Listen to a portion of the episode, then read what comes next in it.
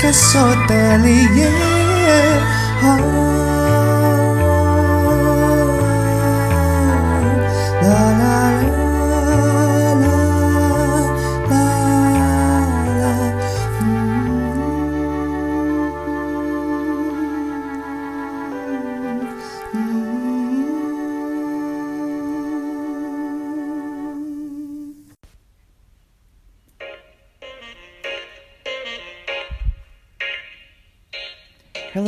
welcome back to my podcast Belada Hotelier Season 2 Jumpa lagi sama gue nih, Romi Romansyah Host podcast paling kece yang pernah kalian kenal. Kalau yang belum kenal, makanya kenalan dong di IG gue Di Instagram gue tuh di @romiromansyah. Lo bisa lihat juga updatean-updatean terbaru Balada Hotelier Atau langsung di Instagramnya di @balada_hotelier jadi kalian bisa langsung cek nih kalau misalnya ada updatean-updatean terbaru. Dan jangan lupa dengerin juga untuk season satunya itu ada 25 episode nih. Yang belum dengerin, cus banget langsung dengerin dari episode 1 sampai di episode 25-nya. Oke, episode kali ini gue bakalan munculkan satu sosok nih ya yang sangat fenomenal karena dia adalah satu orang yang membuat gue bertransformasi nih menjadi lebih baik seperti saat ini agak klise kali ya karena nggak menjadi sosok banget gitu kan. Tapi emang bener sih kalau misalnya gue ngebandingin diri gue di back to 10 years ago mungkin di 2010 gue nggak kayak gini gitu. Nggak se open minded ini nggak se vokal ini dan dia salah satu orang yang membuat gue jadi vokal gitu kan. Nah gue tuh kenal dia saat training bareng di Malaysia dan one thing that you need to know, dia tuh uh, dari kampus yang beda nih sama gue. Kampus apa sih? Dan sekece apa kampus yang dia punya nih? Sampai sekarang tuh gue masih kontakan nih sama dia. Dari semenjak gue training dulu di Malaysia, kemudian gue balik ke Indonesia, gue tuh masih sering kontakan. Even gue kalau misalnya suka ke Jakarta, misalnya ketemu teman-teman gue, gue pasti nyempetin waktu juga nih buat kontakan sama dia dan sering juga nih meet up sama teman-teman training gue waktu gue di Malaysia dulu orangnya seru abis pokoknya dan oke okay, cus aja kita coba dengerin perkenalan singkat dari teman gue ini check this out satu, dua, tiga. Silahkan hadirin dimohon berdiri. Gadeng, halo guys. Um, hai, kenalin nama gue Rizky. Biasanya sih sering dipanggilnya Iki. Nama lengkap gue Rizky Maulana dan di sini gue akan sedikit sharing mengenai kenapa gue ada di dunia ini. Hmm, dunia ini bukan dunia lain. Enggak. Maksudnya gue adalah kenapa gue ada uh, di dunia yang sekarang uh, gue jalani maksudnya sebagai profesi as a hotelier gitu loh.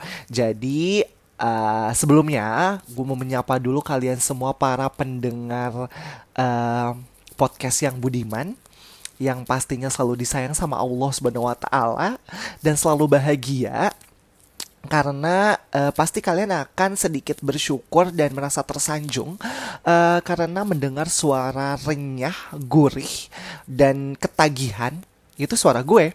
Mm-mm, suara yang penuh uh, banyak kol-kolahnya ini kalau misalnya kita lagi ngaji mah gitu ya guys. Hmm, kita mulai aja. Jadi gue ini di dunia hotel atau mungkin hotel industri ya udah lebih dari um, sebentar hitung dulu. Satu dua tiga. Tiga tambah empat tujuh. Tujuh mungkin kurang lebih 10 tahun kali ya. Karena memang uh, awalnya SMK tuh udah dunia perhotelan ngambilnya hotel akomodasi. Kemudian tuh tiga tahun tuh di SMK di salah satu SMK terhits di kota Bogor yang bangunannya itu warnanya coklat kayak ke krem-kreman gitu guys.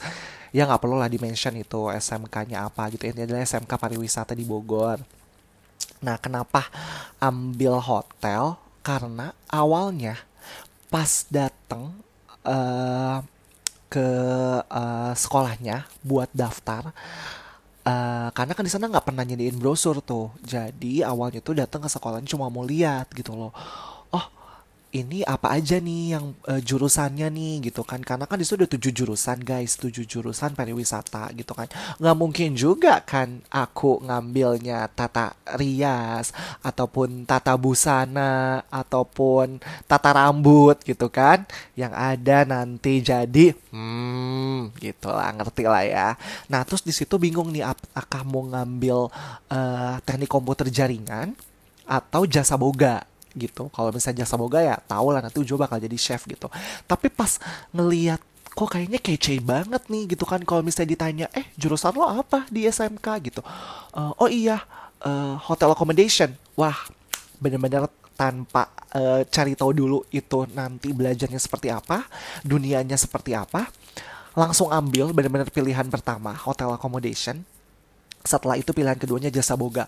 Karena setelah dipikir-pikir, sebagai seorang Rizky Maulana ini ngambil teknik komputer jaringan, kayaknya kayak kagak nyampe gitu kan. Maksudnya otak-otaknya kayak kagak nyampe ke situ gitu kan. Sebenarnya kalau dipaksa bisa, tapi kan kayak tidak dengan hati nurani gitu yang ada tuh nanti jadi males-malesan guys oke nah akhirnya kayak tiga tahun menjalani uh, proses belajar di SMK perhotelan It's not bad karena benar-benar belajar dari awal banget yang dipikirnya cuma kayak enak-enak aja pakai jas nih kayak setiap praktek.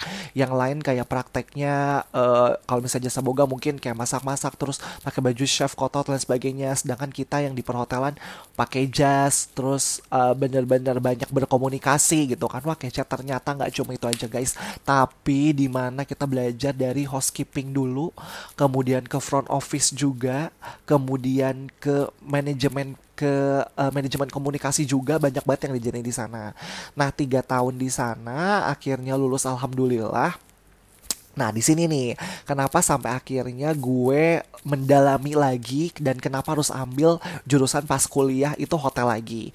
Nah awalnya ini nggak ada kepikiran sama sekali buat kuliah.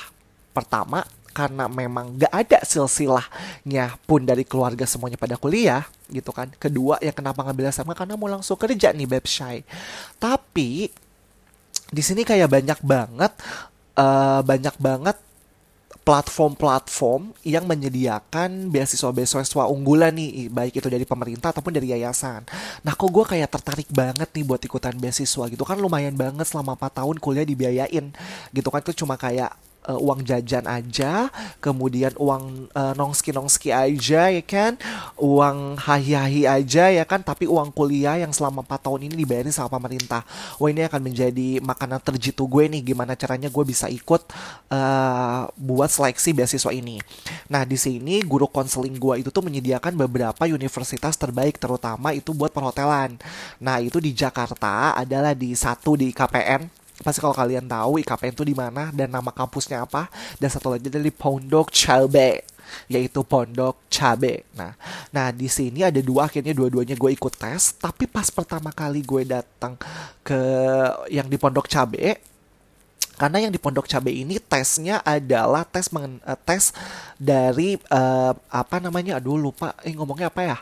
Tesnya ini tuh dari nilai nilai raport itu terus sama tesnya adalah eh, prestasi gitu.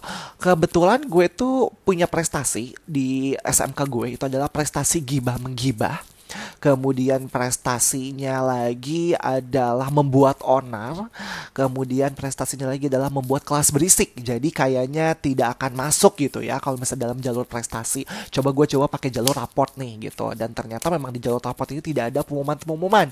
Sampai akhirnya guru konseling gue pun memberikan pilihan lain kenapa nggak coba yang di apa namanya STP yang di KPN ini nih sekolah tinggi pariwisata gitu kan. Kalau misalnya kalian tahu ini eh, sekolah tinggi pariwisata apa pasti kalian akan shock, akan terkejut dan terheran-heran karena kayak wah gila buat kuliah biasa aja gue nggak mampu.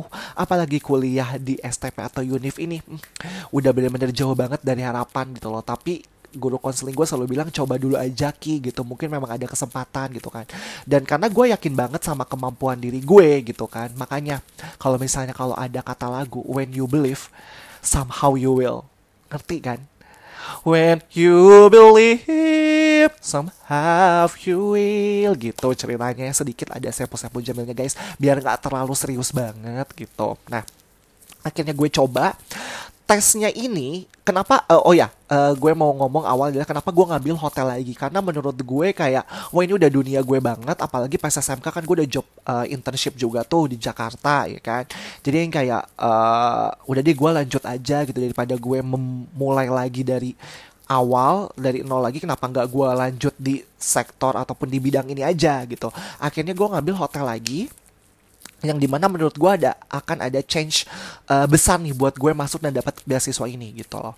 Ternyata pas gue apply terus kemudian dengan segala dokumen yang ada terus gue di situ datang tuh ke kampus itu ya kan. Kampus tuh di jalan IKPN itu di ya jalan IKPN itu itu yang daftar banyak banget guys. Sampai gue pernah nanya di sebelah kanan kiri gue mereka dari mana? Ada yang dari Aceh ada yang dari Kalimantan ada yang dari Sulawesi. Jadi kayak mereka tuh memang berbondong-bondong untuk mencari beasiswa di Jakarta terutama untuk di dunia pariwisata ini. Contohnya hotel ataupun usaha perjalanan wisata gitu kan. Terus gue yang kayak sedikit minder karena yang kayak aduh apa nih harus gue jual nih? gitu kan. Karena tesnya ini ada beberapa banyak nih. Nggak kayak gue di uh, pada saat tes di uh, uh, STP yang di Pondok Cabe ini. Kalau yang di STP yang IKPN ini nggak perlu gue sebut lah kalian pasti udah tahu gitu kan ini adalah tesnya pertama ada tes interview bahasa Inggris, kemudian ada tes psikotes, ada tes pengetahuan umum, ada tes bahasa Inggris gitu kan. Ada empat ini yang akan menentukan kalian masuk atau enggak. Dan bayangin dari berapa ratus orang, gue ngerti sampai berapa totalnya di seluruh Indonesia yang diambil cuma 30 eh yang diambil cuma sekitar 30 untuk di kelas hotel kalian cuma diambil satu uh, kelas aja Lu bayangin guys, cuma 30 dari beratusan itu ibaratnya yang kayak lo datang ke satu wilayah gitu loh, satu wilayah dan cuma yang dipilih yang dipilih itu beberapa orang terpilih aja gitu. Itu kan kayak aduh yakin gak ya nih gue masuk gak ya nih? Gitu. Aduh kalau misalnya gue nggak masuk pasti ada kecewanya juga wasting juga gitu kan. Wasting my time wasting my money lah lain sebagainya gitu kan. Karena kan dari Bogor bolak balik selama empat hari ke Jakarta kan cukup effortnya guys. Kan harus naik bis dulu dari Bogor gitu. Nah terus deh kayak gitu. Sorry guys batuk. Nah terus deh kayak gitu udah nih akhirnya tes hari pertama uh, psikotes kemudian hari kedua uh, apa namanya tes umum dan bahasa Inggris hari ketiga interview. Kayak gitu-gitu. Dan lo tahu guys saking gue pengen banget dapat beasiswa ini gitu loh entah kenapa kayak gue pun sebenarnya masih menunggu gitu loh untuk mendapat pengumuman beasiswa di STP yang uh, di Pondok Cabe ini gitu loh. Tapi entah kenapa kayak hati gue tuh kayak lebih convert aja untuk kuliah atau ngelanjutinnya tuh adalah di STP yang di IKPN ini gitu loh.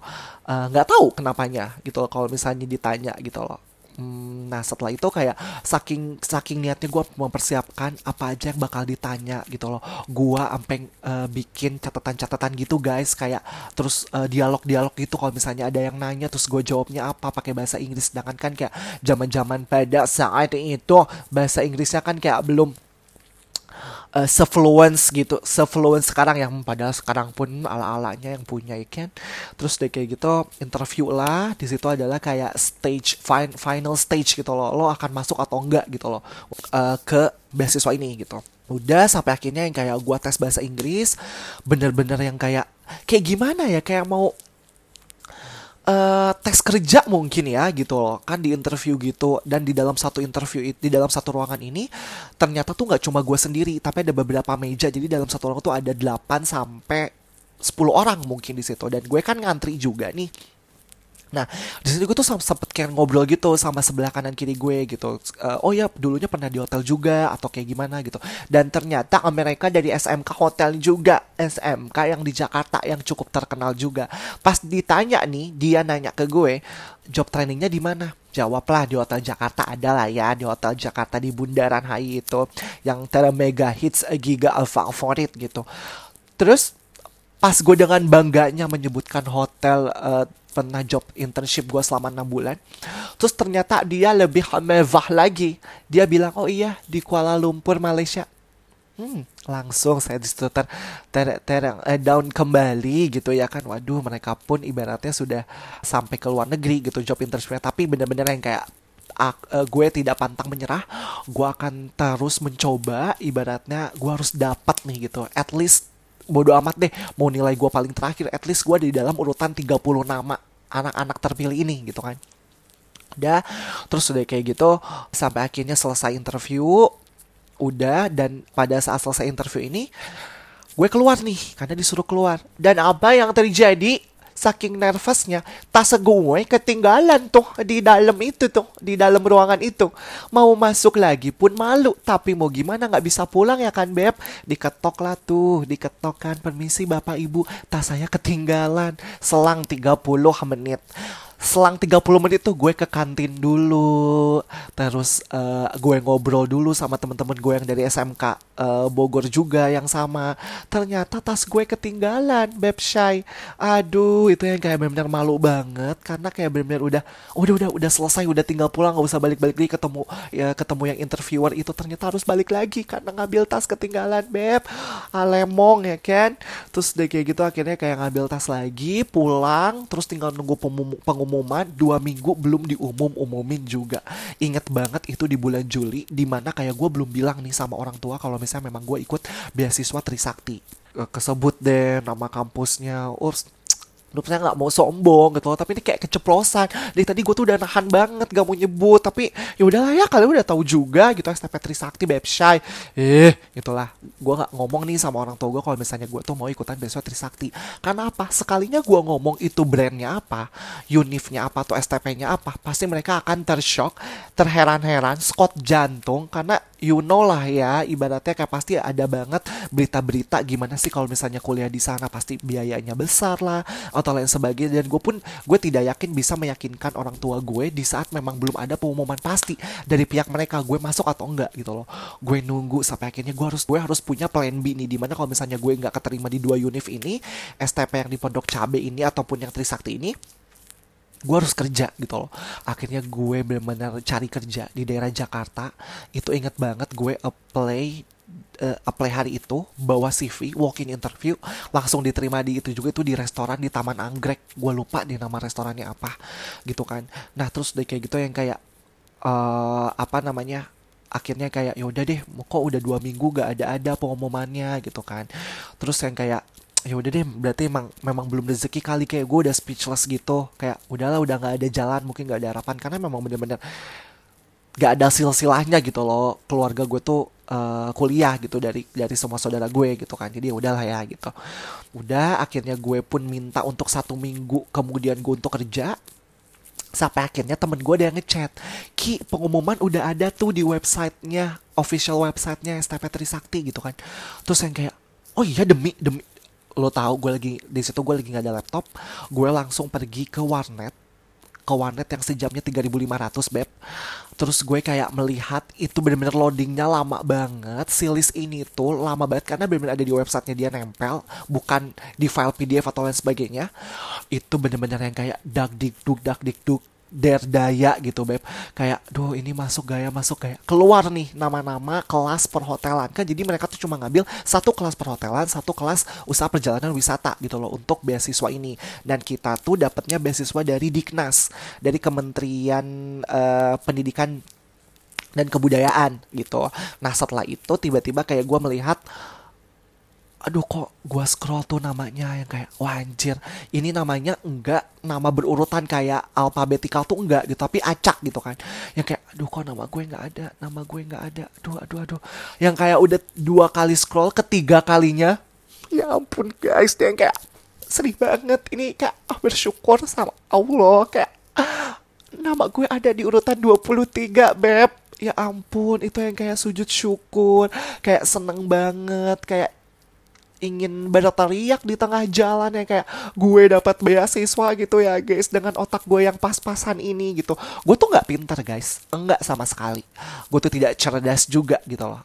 Tapi gue tuh lebih ke licik sih. Lebih ke licik lebih ke rajin. Rajin licik dan menggemaskan aja. Jadi yang kayak hmm, ya cocok lah ya kalau misalnya kalau bisa dikatakan ada yang nanya beasiswa apa? Beasiswa eh Kemendikbud gitu ya. Kece lah ya lumayan ya kan udah gue tidak melihat eh apa namanya eh, gue tidak melihat nih benefitnya apa lain sebagainya kan belum ada disebutin gitu loh sampai akhirnya kayak gue telepon langsung ke eh, apa namanya pihak kampus bahwa memang gue dapat beasiswa dari Kemendikbud di mana biaya kuliah gue selama 4 tahun itu benar-benar dibiayain Kemendikbud dengan syarat-syarat yang memang harus gue jalani gitu loh. Nah, syaratnya ini apa nih guys? Pertama, memang IPK gue itu tidak boleh lebih eh tidak boleh kurang dari 4,5 Iya, gak boleh lebih kurang dari 4,5 satu. Terus kedua, memang gue harus aktif di kampus juga. Yang ketiga, gue harus sering bikin artikel.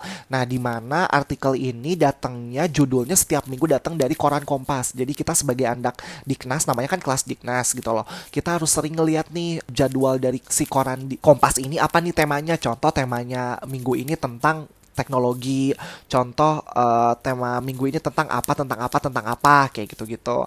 Nah terus udah kayak gitu sama udah deh itu aja deh kayaknya. Ya rajin-rajin di kampus deh maksudnya aktif-aktif di kampus gitu kan.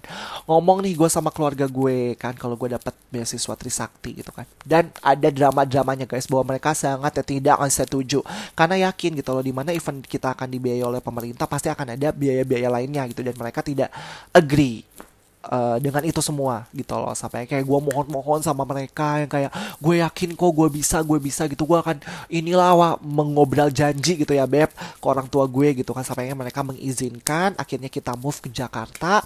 Dan kebetulan memang kakak gue eh, kerja di Jakarta. Jadi kita ikut barengan di kontrakan eh, rumah. Kontrakan rumah itu bareng sama kakak gue gitu. Dan kebetulan memang dekat kampus juga gitu lah. Kalau misalnya ditanya kesehariannya gue di kampus kayak apa selama 4 tahun ini benar-benar sangat berwarna banget guys di mana kayak kita jadi aktivis kampus ikut kegiatan mahasiswa kampus. Ada unit kegiatan mahasiswa gue ikutan paduan suara ikutan home band juga tari tradisional juga. Pokoknya mah kudu aktif ya beb.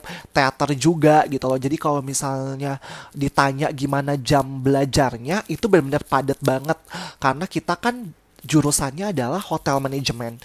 Jadi bener-bener semua tentang hotel tuh belajar dari accountingnya, kemudian dari front office-nya, housekeeping-nya, tata boganya, chef-nya, pastry-nya, kayak gitu loh. Semuanya bener-bener kita belajar selama 4 tahun gitu. Dan plus kita harus ngebagi waktu juga gitu loh untuk kegiatan mahasiswa ataupun kegiatan kampusnya kita. Karena kan salah, sebagai salah satu syarat eh, penerima beasiswa juga kan, ya kan jadi itu laporan buat Kemendikbudnya juga gitu.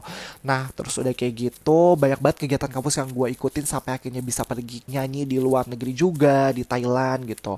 Terus job internship sampai empat eh sampai tiga kali shy Eh, jangan sedih karena kita beasiswa Diknas ini memang dalam di tahun pertama kita harus menyelesaikan tiga semester gitu. Jadi kayak benar-benar sistem kebut banget deh gitu. Jadi kita sisa jadi kita harus job internship tuh tiga kali. Nah job internship gue yang pertama tuh di Kuala Lumpur terus kemudian yang kedua tuh di Sumba yang ketiga tuh di Batam itu adalah hotel-hotel eh, bintang 5 pastinya yang terkenal banget parah gitu. Jadi benar-benar sistem belajarnya seru banget. Jadi di setiap hari itu dari jam 7 sampai jam 4 tuh kita benar-benar padat banget teori plus praktek gitu. Yang paling seru adalah di mana kalau misalnya praktek pagi eh, ada satu hari full praktek itu kita paginya adalah masak ataupun di kitchen ya tata boga gitu food and beverage. Kemudian after lunchnya kita change. Itu jadi eh, waitress restoran gitu belajar tentang food and beverage service. Karena kan yang pagi produk kalau misalnya yang sorenya service itu ataupun seharian kita belajar tentang pastry. Bikin kue cookies dan lain sebagainya lah kayak gitu-gitu. Nah setelah itu gue cukup bangga sama diri gue karena gue bisa melalui empat tahun ini dengan lancar jaya tanpa IPK gue turun, gue masih bisa eh, menyelesaikan tanggung jawab tanggung jawab gue sebagai penerima beasiswa gitu loh. Terus gue pun ibaratnya cukup juga dalam bermain tidak kekurangan gitu. Dan gue pun bisa bersosialisasi dengan teman-teman gue yang lain. Bukan bukan berarti karena lo anak diknas lo yang kayak bener-bener kayak kutu buku kayak belajar terus gitu. Nggak nggak nggak have fun sama teman-teman kampus lo. Nggak sih itu kayak nggak banget. Asalkan kita bener-bener bisa uh, manage waktu kita gitu. Karena kan kita yang tahu sendiri ya gimana kita manage waktu. Nah Sampai akhirnya sekarang alhamdulillah di tahun 2020 ini gue masih tetap di uh, sektor pariwisata yaitu khususnya di uh, hospitality industry, hotel management dan gue udah dapat dan gue sekarang kerja dan mendapatkan pekerjaan. Pasti dong harus dapat kerja dong masa gue jadi nganggur beb? Gitu kan dapat kerjaan di hotel bintang 5 juga di Jakarta alhamdulillah juga. Jadi kalau misalnya ibaratnya dunia gue hotel memang hotel banget gitu loh. Memang udah terdoktrin dari zamannya gue masuk uh, SMK kelas 1 gitu. Yang awalnya bener-bener buta banget tentang hotel tuh apa tapi sekarang gue bisa menjadi salah satu pekerja di hotel tersebut di mana gue ketemu banyak orang, mengenal karakteristik orang satu dan lain hal, gimana cara handle komplain-komplain ataupun cara menghandle orang dengan karakteristik yang berbeda gitu loh. Kemampuan berbahasa pun ibaratnya jadi meningkat even tidak menjadi pintar ataupun best speaker dan sebagainya ya beb itu mah masih jauh atuh gitu. Dan ibaratnya sangat mensyukuri sih apa yang telah gue dapat selama ini gitu. Jadi mungkin ada saran-saran nih bagi kalian nih mungkin mungkin gitu yang mau ikut ataupun join juga di dunia hotel ini adalah kalian jangan pernah cintain perusahaan kalian tapi kalian cintain pekerjaan kalian ataupun profesi kalian. Kayak gitu loh bener-bener jalanin pakai hati ikhlas gitu loh. Karena menurut gue semuanya itu tuh kan berawal dari ucapan ya kemudian doa berikhtiar bertawakal. Hmm, cucok gak tuh tuh mama dede ngasih saran ya kan? Apalagi kalau misalnya memang nanti bagi kalian yang ingin masuk ke dunia perhotelan dan kuliah di hotel, bener-bener usahakan banget cari beasiswa guys, karena menurut gue semua kampus tuh sama aja, semua kampus hotel maksudnya ya, pembelajaran tuh pembelajaran itu sama aja. Jadi yang kayak benar-benar usahakan dulu buat cari beasiswa gitu loh. Karena banyak banget kok sekarang kayak univ-univ ataupun sekolah tinggi pariwisata yang offering scholarship gitu loh. Bagi kalian baik itu dari scholarship yayasan ataupun Kemendikbud gitu itu dan gampang-gampang kok gampang asalkan benar kita tuh percaya sama kemampuan kita benar-benar berdoa minta restu jangan kayak gue nggak minta restu orang tua ya kan main-main daftar-daftar aja gitu. Minta restu orang tua minta doanya kayak gitu. Gue yakin banget 100% kalau misalnya kalian udah yakin kalian tahu apa yang harus kalian jual kalian tahu kemampuan kalian pasti yakin banget dapet tuh beasiswa. Lumayan banget beb. 4 tahun ya kan gak pakai duit orang tua benar-benar beasiswa. Dan kayak nggak se-strict yang kalian pikirkan kok. Kayak bener lu jadi mahasiswa mahasiswa yang dapat beasiswa lu kayak bener-bener strict harus pinternya enggak bener-bener kalian jadi diri kalian aja gitu loh. Kayak tunjukkan kemampuan kalian tunjukkan kelebihan kalian gitu loh. Pasti yang kayak dijamin 100% gitu loh kalian akan sukses di dunia ini gitu loh. Jadi kayak Semoga sukses, semoga nanti bagi kalian yang mau join ke dunia hotel juga akan cemerlang karirnya di dunia hotel bisa jadi director, manager, mungkin owner, mungkin general manager gitu loh. Banyak kok sekarang hotel di Jakarta ataupun di uh, dunia ini gitu. Jadi kayak don't worry gitu loh. Semuanya pasti udah ada jalannya. Oke deh mungkin gue terlalu banyak ngomong ya guys Ini kurang lebih udah banyak deh pokoknya ya Jadi yang kayak thank you so much for listening me Semoga kita bisa ketemu di lain kesempatan atau mungkin ketemu di satu company atau perusahaan yang sama, hotel yang sama. Hmm, bisa jadi terus jadi hmm, jadi sister, jadi sister and brother. Mungkin bisa lebih dari itu ya guys. Hmm, kan lagi. Jadi thank you so much and have a good day. Bye bye.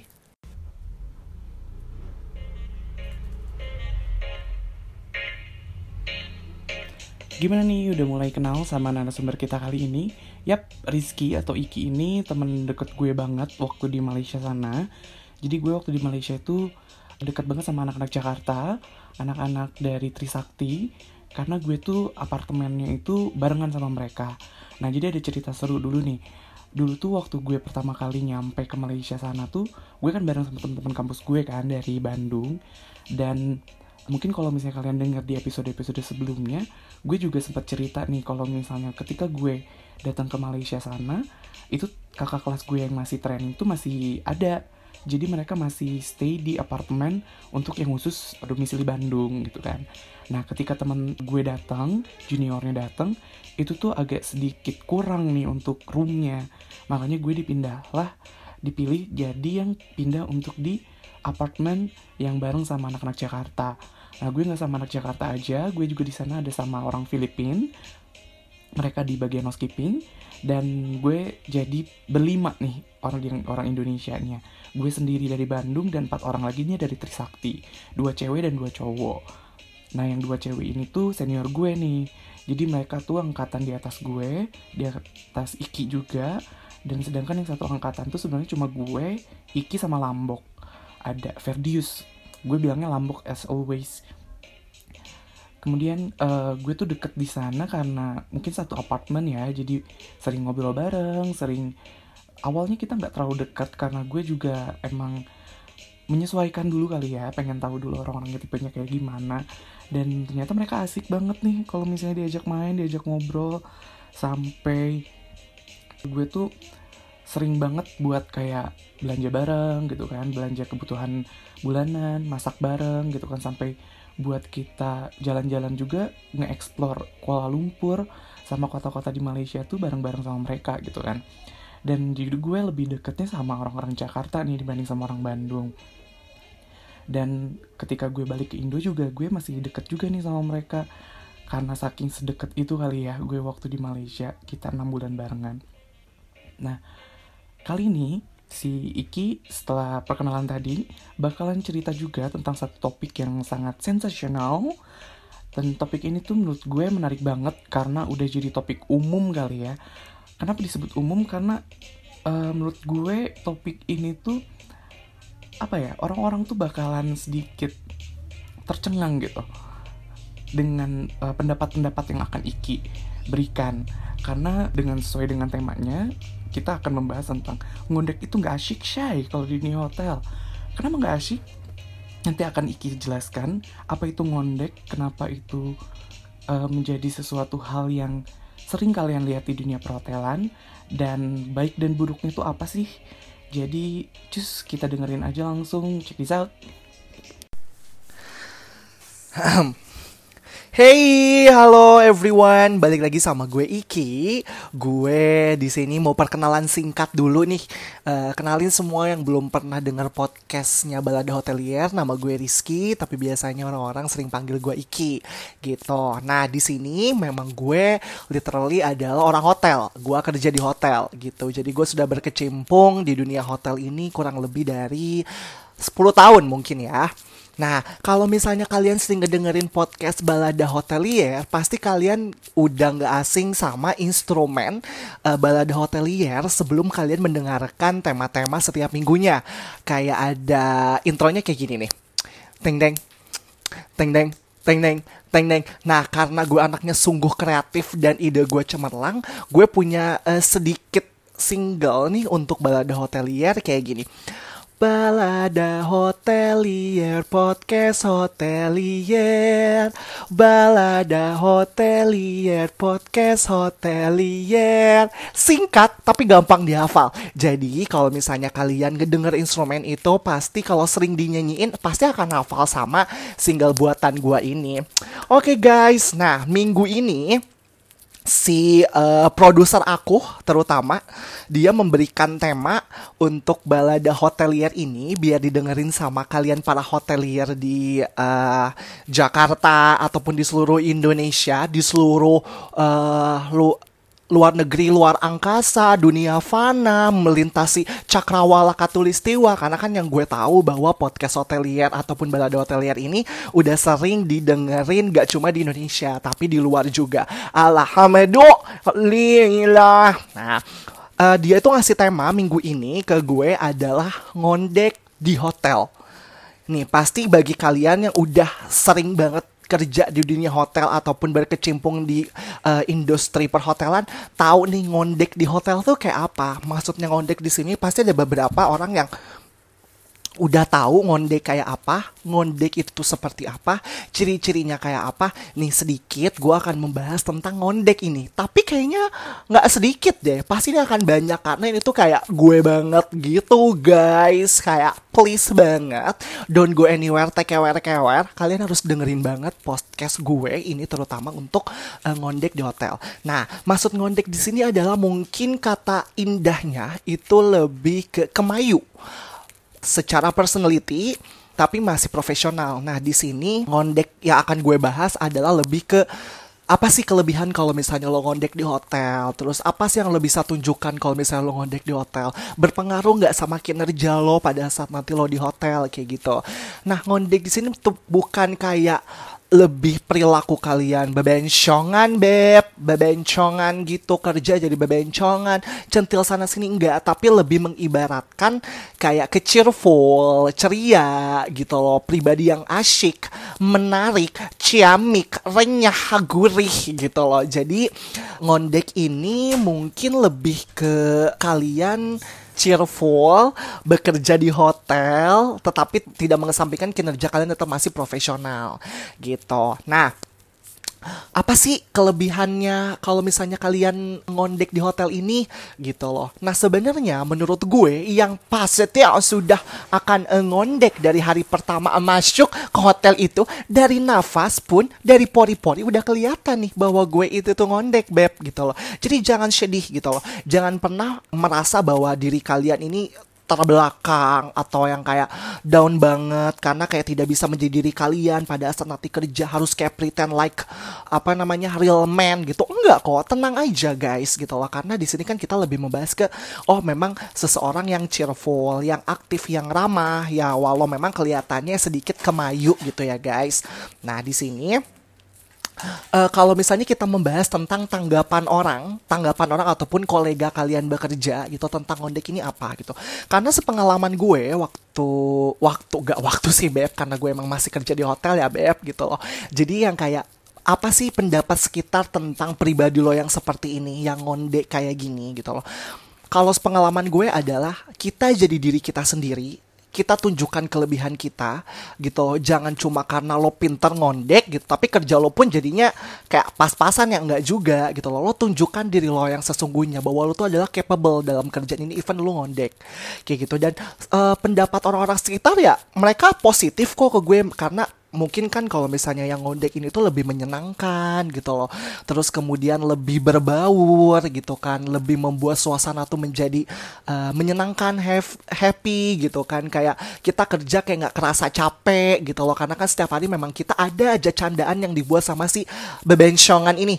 Ups, jangan bahas bencong ya, tapi si Kemayu ini gitu loh. Jadi sejauh ini masih positif sih asalkan memang lo pun membawa diri lo positif gitu loh. Jangan seakan-akan kayak oke okay, karena gue ngondek, gue yang paling cantik, gue adalah putri dari segala putri. Lo datang ke satu tempat baru, lo harus menguasain tempat itu.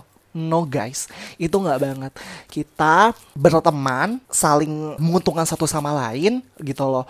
Ibaratnya menjadi keluarga gitu loh. Jadi, jadi jangan sampai kalian tuh kayak takut banget karena kalian ngondek terus kalian gak diterima di sekitar di sekitaran kalian kerja enggak kok, tenang aja. Menurut gua seluruh hotel nggak seluruh sih ya tapi yang sejauh ini gue kerja kayak mereka udah open, cukup open minded kok melihat si orang-orang ngondek ini gitu loh ini kayak jangan takut please jangan takut.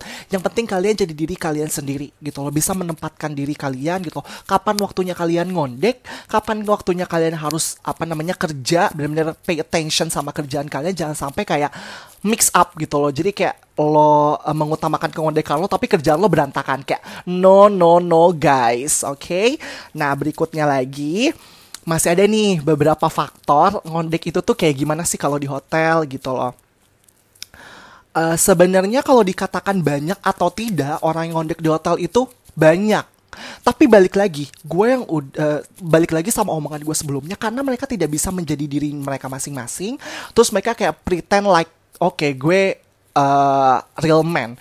Uh, kemudian gue mature gitu loh. Gue tuh kayak bener-bener, wah gue tuh laki banget deh guys. Kayak minuman gue tuh extra joss gitu kan. Kan kalau kalian tahu tagline-nya extra joss kan, laki minum extra joss gitu kan jadi kayak mereka tidak bisa menjadi diri mereka sendiri jadi mereka kayak benar-benar menjaga banget, membentengi perilaku mereka. Tapi sebenarnya ya, sumpah-sumpah gue yakin banget mereka tuh kayak gatel. Gue tuh kayak pengen ngondek gitu. Gue pengen kayak hahaha hihi, nyanyi, lalalalili gitu. Tapi karena karena mereka terhambat oleh satu dan lain hal, jadinya membuat mereka yang kayak aduh enggak deh gue nggak perlu ngondek gini deh gue malu nanti gue kayak dijudge orang gue dicemooh orang gitu loh. Enggak jangan takut gitu karena memang sebenarnya bagi kita yang udah open minded banget banyak kok di hotel sekarang ya udah ngondek malahan yang lebih berprestasi lebih kreatif kemudian kayak lebih bisa diandalkan itu orang-orang ngondek loh. Bener-bener kayak percaya sama gue. Eh, enggak deh percaya sama Tuhan maksudnya. Tapi kayak sejauh ini gue kerja yang dilihat dari sisi gue tuh kayak gitu gitu loh. Mereka kayak lebih uh, mengandalkan kita dalam segi apa pun kayak pekerjaan mungkin kreativitas kemudian dalam sisi mengeluarkan ide-ide yang bagus untuk acara acara-acara khusus misalnya gitu kayak gathering kayak mungkin staff party gitu pasti yang akan ditunjukkan adalah yang ngondek-ngondek gitu. Karena mereka adalah pribadi yang menyenangkan. Bukan hanya untuk orang banyak tapi mereka akan puas dengan dirinya sendiri gitu loh karena gue menjadi dirinya sendiri gitu. Jadi kalau ditanya banyak banyak guys. Tapi kan nggak mungkin kita datang ke setiap orang kelihatan kayak kemayu lo ngondek ya beb gitu. Lo ini ya lo ini lo ini enggak lah gitu. Oke, nah kemudian di sini banyak banget nih yang berpendapat gitu loh kak ngondek ini sebenarnya uh, homo nggak sih kak? Gitu loh kak ngondek ini udah pasti homo nggak? Guys dunia Jakarta dan pastinya di seluruh Indonesia. Ada kok yang homo tapi nggak ngondek gitu. Jadi tuh kayak bener-bener pendapat kalian aja gitu loh. Belum tentu yang memang ngondek itu homo. Ya gue nggak bisa mengatakan itu benar atau tidak ya. Karena banyak pengalaman gue mereka ngondek tapi mereka udah nikah udah punya anak gitu loh. Jadi jangan pernah berpendapat atau berspekulasi seperti itu. Mungkin karena mereka ngondek kan karena mereka nyaman atau mungkin dari kecilnya memang udah udah pernah ikut nari-nari di 17 Agustusan gitu kan sama cewek-cewek atau mungkin uh, mereka sering main bekel, sering main uh, mainan-mainan perempuan kan setiap orang tuh punya cerita sendiri-sendiri gitu loh. Jadi jangan pernah berspektif seperti itu berasumsi seperti itu gitu. Nah, terus ada lagi nih di sini gimana? Uh, Sebenarnya ngondek ini manja, iya manja. Kayak karena mereka menjadi dirinya sendiri, jadi ya kalau misalnya ngondek ya pasti manja sih gitu kalau tanggapan kayak atasan atau mungkin kayak yang lainnya so far so good sih. Kan gue udah pernah bilang yang penting bisa menempatkan diri kita gitu loh. Maksudnya kapan lo memang harus ngondek kapan lo harus memang kerja gitu loh. Jadi balik lagi utamakan pekerjaan kalian. Nanti ada kalian yang ditendang shy ke langit ya kan? Kalau misalnya kalian ngondek terus tapi kerjanya nggak benar-benar gitu. Nah, seru banget nih kalau misalnya sekarang kita ngomongin tentang apa sih kelebihan ngondek itu tuh kayak gimana kelebihan ngondek itu tuh kayak apa gitu. Kelebihannya banyak banget. Pertama, gue udah pernah bahas juga gitu kan. Kelebihannya nggak ya ampun, jari tangan, jari kaki gitu loh, rambut sampai ke sela-sela rambut mana pun itu tuh kayak tidak bisa dihitung guys. Karena kelebihannya banyak banget. Terutama yang sering udah gue bahas adalah mereka lebih atraktif mereka menyenangkan di sekitarnya gitu loh. Mereka tuh seperti air gitu loh. Karena mereka bisa bisa cocok di semua tempat gitu loh. Karena kalau air di setiap wadah kan dia akan menyesuaikan gitu kan. Terus mereka kreatif, kemudian mereka pun bisa diandalkan gitu loh. Terus mereka pribadi yang cukup menyenangkan juga kayak gitu loh. Dan ibaratnya bisa disebutkan di sini adalah sebagai penghibur kali ya mungkin penghibur Lara. Tapi penghibur di sini bukan penghibur topeng monyet ya beb. Beda dong kalau sama topeng monyet gitu loh tapi lebih ke profesionalnya gitu loh. Nah kalau misalnya kalian nemuin orang yang ngondek-ngondek kayak gitu ibaratnya jangan dijudge beb gitu loh kalian akan seneng loh teman teman ngondek gitu karena ibaratnya kayak mereka kan talkative juga gitu loh. Mereka kayak berwawasan luas juga gitu loh. Jadi kan kalau berteman sama mereka jangan Beb udah nggak zamannya sekarang. Eh lo, lo temenan sama yang ngondek Lo temenan sama yang bebensyongan gitu. Enggak Beb. Lo akan banyak benefit kalau misalnya temenan sama orang ngondek tuh Gitu ya kan uh, Kalau dikatakan punya pengalaman apa pada saat lo nge-serve tamu ada banget, banyak banget gitu loh. Kayak uh, satunya gini, misalnya yang kayak karena gue punya pengalaman waktu itu uh, jadi reception di satu hotel bintang 5 di Jakarta ya, Beb. Pastinya lah masa di bintang 4 bintang 3. Tapi nggak apa-apa, Beb. Jangan jangan sedih kalau misalnya kalian kerja di bintang bintang 3 atau bintang 4. Tetap masih hotel, kok masih hits gitu loh. Jadi waktu itu ada tamu check ini ke gue nih gitu loh. Karena kan kita kalau misalnya yang ngondek ini kan ingin tampil anaknya. Bener gak sih? Ingin terlihat wow gitu loh. Jadi kayak gue waktu itu pernah ngecek inin tamu. Nah, terus udah kayak gitu, gue pada saat ngecek inin ini mungkin bukan latah ya jatuhnya, tapi lebih ke kaget gitu loh. Karena kan kalau misalnya kaget ini kita nggak bisa eh, dibuat-buat itu kan nat- natural banget kan dari dalam diri kita gitu loh. Jadi kayak pada saat gue cek ini lagi enak ngobrol dan sebagainya gitu loh. Terus tiba-tiba kayak eh, kalkulator di sebelah eh, di sebelah gue pada saat itu jatuh secara tiba-tiba dan kayak ngagetin gue. Dan apa yang keluar dari mulut indah gue itu adalah kata-kata kasar beb. Kata-kata kasar yang ibaratnya ngondek banget nadanya gitu loh. Nggak perlu ya kita sebutin kata-kata kasarnya apa karena kata-kata kasar gue adalah benar-benar sumpah serapah yang tidak perlu dicontoh beb gitu. Terus tiba-tiba kayak gue kaget terus gue yang kayak teriak teriak bencong banget pun enggak tapi lebih ke ngondek abis gitu terus si tamunya kayak ketawa tapi jadi jadinya kita lebih bonding lagi gitu loh karena itu jadi gue bisa gak nahan diri gue gitu tapi gue bisa menjadi diri gue sendiri di depan tamu gitu loh tapi tetap masih mempertahankan profesionalitas gue gitu loh Oke, terus eh, apa lagi ya? Bentar dulu ya. Kayak mikir dulu nih, apalagi yang harus aku bahas, guys. Dan em, oke, si tamunya seneng atau enggak gitu loh pertanyaannya. Seneng banget, dia kayak appreciate gitu karena memang nyaman nih misalnya kayak ngobrol sama gue terutama gitu loh kayak apa namanya? Even kayak pada saat dia check on pun ibaratnya kan nyarinya ke kita lagi karena kan kita pribadi yang menyenangkan kalau pada saat diajak ngobrol gitu beb. Intinya makan karena bawel meren ya beb gitu loh. Nah, Terus sebenarnya sih kalau dikatakan bagus atau enggak sih gitu loh kalau misalnya kita kayak nanamin ngondek eh, dan sebagainya, gue bisa mengatakan sih bisa dikatakan bagus banget ya enggak gitu loh bisa dikatakan jelek banget ya enggak gitu loh karena ada plus minusnya gitu loh. Once kalau kalau misalnya sekarang gini ngondeknya di sini adalah lo yang penting bisa menempatkan diri gitu loh. Kapan lo bisa ngondek? Ini gue kayak benar-benar mungkin lo bosen kali ya dari yang awal ya gue ngomong sampai sekarang ini gitu loh. Ngebahasnya tentang lo bisa menempatkan diri kan itu tuh kayak penting banget buat kalian guys gitu loh. Apa gitu loh. Lo bisa menempatkan diri kapan lo benar-benar kayak kerja fokus serius gitu loh. Biar ibaratnya lo nggak salah terus apa kalau misalnya kalian di operasional ya beb gitu loh. Nggak di operasional sih back office juga gitu loh. Kedua yang kayak kapan nih waktu kalian ngondek gitu loh. Ini tuh yang penting kalian tuh bisa menempatkan waktu itu karena dengan kalian bisa tahu nih manage diri kalian itu semua tuh akan berjalan dengan lancar. Gitu loh. Dan yang penting adalah kalian harus pinter deh. Gitu loh. Jangan jangan karena ngondek ibaratnya semua tuh jadi miss gitu loh. Kayak kerjaan kalian terbengkalai gitu loh. Terus yang kayak kalian jadinya salah terus karena kalian keseringan ngondek kayak gitu. Enggak. Yang penting kayak bisa menempatkan diri kalian gitu. Karena kan gue selalu bilang yang ngondek tuh pasti akan diandalkan dalam segi apa pun. Jadi dari situ nih basicnya tuh dari situ bisa menempatkan diri gitu loh. Nah jadi Ntar ya guys. Kayak kenapa titik gue kayak kok bentar ya bentar ya gitu. Karena gue tuh suka mikir apalagi yang perlu gue bahas gitu loh. Karena kayak dalam jangka waktu kurang lebih 10 tahun ini gue semuanya ngondek beb. Jangan sedih gue tidak berperilaku malu atau lain sebagainya gitu loh. Nah terus kalau misalnya kalian nih kalian sebenarnya tuh dari dulu tuh pengen ngondek atau mungkin udah punya sikap keperempuan-perempuanan gitu loh. Karena menurut gue kalau gue baca artikel adalah di setiap manusia manusianya pakai waya beb kayak manusia gitu loh.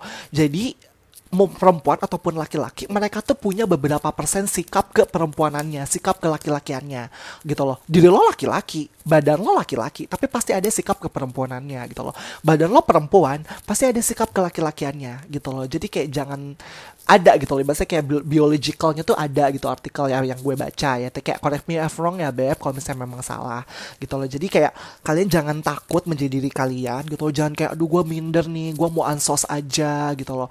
Terus gitu gue mau di pojokan aja cepirit aja gitu loh. Terus kayak silet-silet tangan kalian nih kayak dalam terus kayak gue nggak pantas jadi ngondek beb. Zaman udah 2020 udah banyak bendera pelangi beb. Bendera pride di sini gitu loh. Jadi yang kayak go ahead jadilah diri kalian gitu loh tunjukkan kelebihan kalian gitu loh. Terus jadilah pribadi yang menyenangkan jangan baperan. Kalau mau ngondek jangan baperan beb. Karena pasti banyak banget cemooh-cemooh dari orang kayak kemudian digoda-godain orang itu udah pasti. Tapi gue yakin mereka ngegodain lo mereka ngecemooh lo karena mereka tuh suka sama pribadi lo. Kayak yes kayak favorit gitu deh beb. Ya kasih kayak gue pernah punya pengalaman nih kalau misalnya gue waktu masuk malam kan isinya tuh sama cocok semua tuh. Sama security sama satpam gitu. Mereka tuh akan bahagia karena incas malamnya sama gue. Ya iyalah jelas primadonanya gitu yang membuat mereka tuh selalu tertawa terbahak-bahak. Jadi kayak tidak merasa kerja gitu. Jadi setiap hari tuh selalu bahagia menyenangkan nggak stres gitu loh. Eh, sampai nelen ludah loh gue beb. Ngomong mulu dari tadi ya gak sih? Nah terus sebenarnya lo menjadi ngondek ini adalah lo unik gitu loh. Unik yang gue bahas di sini adalah gak semuanya bisa jadi diri lo dalam in one package gitu loh. Kayak lo ini bisa lo itu bisa ini lo bisa ini lo bisa kayak gitu gitu loh. Makanya banyak banget kok sekarang kayak hotel-hotel ibaratnya kayak mereka suka sesama yang ngondek pertama apa? Kalau masalah angkat-angkat mereka masih kuat beb. Tenaganya masih tenaga lekes ya kan beb gitu loh. Dalam acara kayak nyanyi-nyanyi nari-nari kreatif-kreatif mereka lebih kreatif daripada lelaki-lelaki sesungguhnya daripada perempuan-perempuan sesungguhnya beb gitu loh. Jadi kayak jangan jangan takut untuk menjadi pribadi yang berbeda. Itu sih yang bisa ditarik dari semua bebacotan gue ini. Jangan takut untuk menjadi pribadi yang berbeda. Balik lagi. When you believe somehow you will. Gimana lagunya? When you believe somehow you will. Semuanya yang di kanan. You will when you believe. Sangat indah sekali dentuman dan suara merdu dari Madam Eropa ini. Bener gak sih? Untuk menutup uh, perbincangan kita tentang ngondek di hotel. Gitu. Jadi guys Mungkin itu aja yang bisa gue sharing tentang ngondek di hotel ini. Semoga kalian bisa mengambil yang positif-positifnya aja ya. Yang negatif-negatifnya ya udahlah dibuang aja. Kalau kata Dorce gini Beb, semua kesempurnaan hanya milik Allah Subhanahu wa taala. Kekurangan milik kita semua. Tetap di Dorce semuanya. Show, show, show. Bukan ya, tetap di balada hotelier pastinya. Nah, Oke guys, uh, cukup sekian dan terima kasih setelah mendengarkan uh, perbincangan gue, bebacotan gue tentang uh, ngondek di hotel ini. Semoga tetap gue akan menekankan adalah jadilah pribadi yang bisa berbeda, jangan minder, percaya diri, tapi nggak over juga, menempatkan diri dan pintar dalam bersikap gitu aja. Oke, okay, gue Iki sampai ketemu di podcast podcast dengan eh, tema-tema uh, yang berbeda. Bye bye.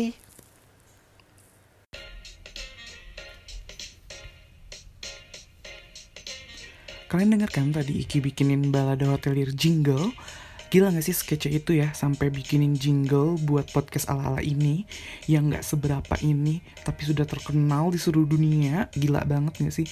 Dan kalau kalian dengar dari episode sebelumnya, kenapa openingnya bisa sedikit berubah dan penasaran suara siapa sih itu yang menggelegar yang sangat cantik, sangat ciamik katanya tuh ya. Yap, itu adalah suaranya Iki. Thank you so much Iki for your kindness and I really appreciate and I love it so much. Hope all the listener outside also have the same feeling like me and jadi gila banget sih kalau misalnya pendapat-pendapat dia tuh menurut gue kayak eh, hal-hal uh, yang baru juga membuka wawasan. Enggak deh lucu juga kan dia kayak pembawaannya emang kayak gitu tuh guys. Jadi emang uh, seru emang asik dan dia punya pemikiran sendiri tentang apa yang dia lihat dan apa yang dia rasakan gitu. Nah kenapa gue ambil topik dan gue angkat topik ini? Karena hal ini tuh jadi salah satu topik yang menarik nih. Di dunia perhotelan atau pariwisata tuh kalau nggak ngondek emang nggak asyik kan ya dan Iki tuh orang yang pas banget menurut gue untuk ngambil topik ini karena apa yang dia lihat itu akan menjadi uh, point of view baru untuk kalian.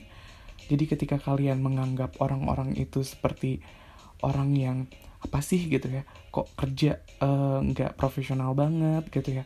Tapi ada sisi positif yang bisa kita lihat bahwa pekerja-pekerja yang cheerful, yang benar-benar aktif gitu kan di hotel tuh nggak seperti yang kalian kira gitu. Mereka tuh punya uh, apa? Mereka akan punya yang namanya uh, hal menarik sendiri gitu kan.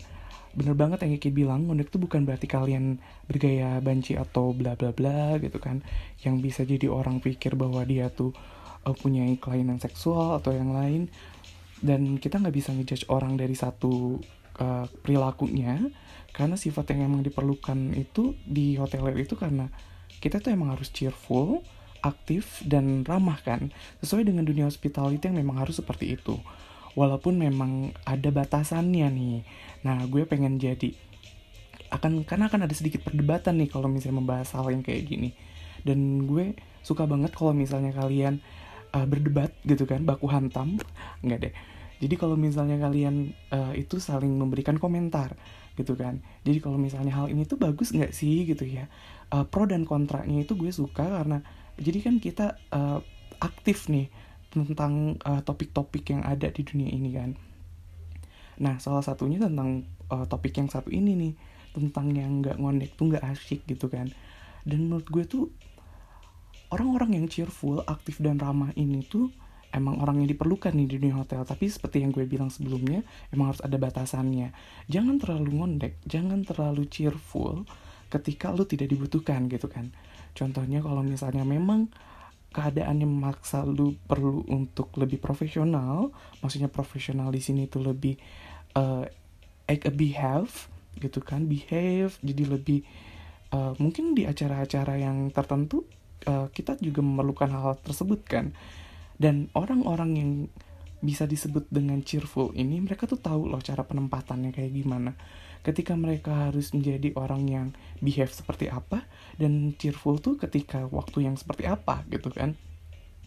Karena bukan berarti yang uh, ngondek ini kerjanya tuh nggak bagus guys. Dan bukan berarti lo harus ngondek biar kerja lo bagus ya. Coba dipahami dulu nih ya. Jadi kalau misalnya nggak ngondek tuh kerjanya nggak bagus nggak kok teman-teman gue yang kerjanya mungkin seperti apa ya kalimatnya. Kalau misalnya kalian kerjanya biasa aja dan seperti hotelia pada umumnya, gak apa-apa.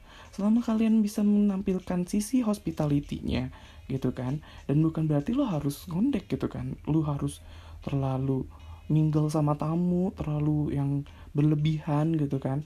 Karena ada yang pendekatannya itu cara orang tuh berbeda-beda. Iya gak sih?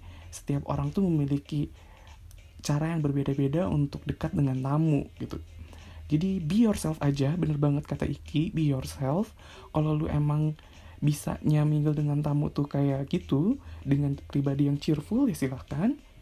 Kalau misalnya lu lebih suka dengan pribadi yang cool yang orang-orang anggap lu tuh kayak wah gue nih uh, gue nih orang yang behave gitu kan yang hospitality banget yang mewah gitu kan silahkan gitu kan. Itu pilihan banget jadi be yourself bener banget. Jadi keluarkanlah apa yang ada dalam diri kalian gitu kan forgive your best service gitu. Oke, okay, sekian topik kali ini dan semoga menambah wawasan kalian juga dan membuka perspektif baru nih di kepala kalian. Seperti biasa, gue selalu mau ngundang kalian buat kirim pengalaman kalian ke email Balada Hotelier atau Instagramnya di bala at Balada Hotelier atau Instagram gue di at Romi Romansyah. Stay healthy, stay positive. Bye guys. See you again on the next episode.